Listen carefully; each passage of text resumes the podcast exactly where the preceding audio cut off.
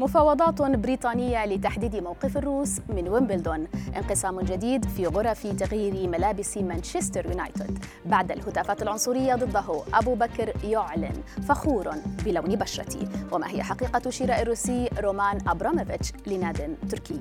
هذه الأخبار وغيرها تتابعونها على العربية بودكاست. نبدأ أخبارنا لهذا اليوم مع بطولة ويمبلدون للتنس والأنباء المتداولة في السوشيال ميديا حول وجود محادثات مستمرة بين منظمي البطولة والحكومة البريطانية حول مشاركة اللاعبين الروس والبيلاروس في نسخة العام الحالي من البطولة.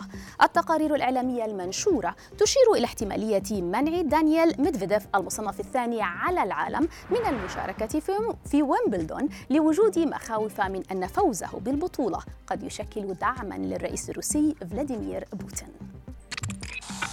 وإلى خبر آخر ضجت به مواقع التواصل الاجتماعي يؤكد إنهاء الروسي رومان أبراموفيتش لصفقة شراء ناد في تركيا. ووفقا لصحيفة أجانس بور فإن الإعلان الرسمي لتفاصيل صفقة استحواذ مالك تشيلسي الإنجليزي لملكية النادي ستتم يوم الجمعة المقبل.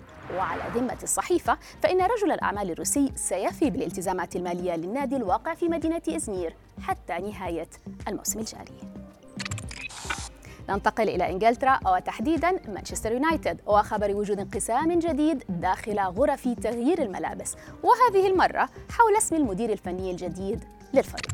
صحيفة مانشستر إيفنينج نيوز زعمت في تقرير لها وجود خلافات داخل صفوف الشياطين الحمر والسبب بحسب المنشور استياء بعض اللاعبين من فكرة اختيار الهولندي تينهاج كمدرب للفريق واعتباره خيارا محبطا خاصة أن النية كانت تتجه نحو التعاقد مع كوت بوكوتينيو لكن إدارة النادي اللندني غيرت بوصلتها ومالت نحو قرار التعاقد مع المدرب الهولندي بسبب عدم تجاوز تكلفة إنهاء عقده. أكثر من مليوني جنيه استرليني.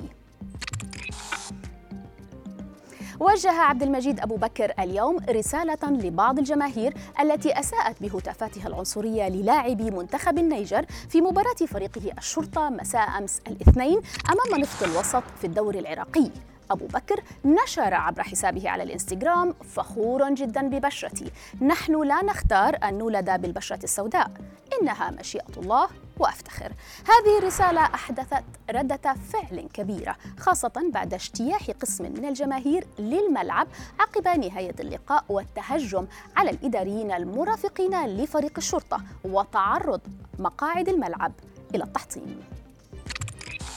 الختام مع المغربي أشرف حكيمي والأجواء الرمضانية التي يعيشها لاعب باريس سان جيرمان الفرنسي بجانب زميله فريق كيليان إمبابي. حكيمي شارك معجبه عبر حسابه على الإنستغرام بصورة لزميله الفرنسي وهو يصب الشاي بعد الإفطار مع عبارة أجواء رمضان ورمضان كريم.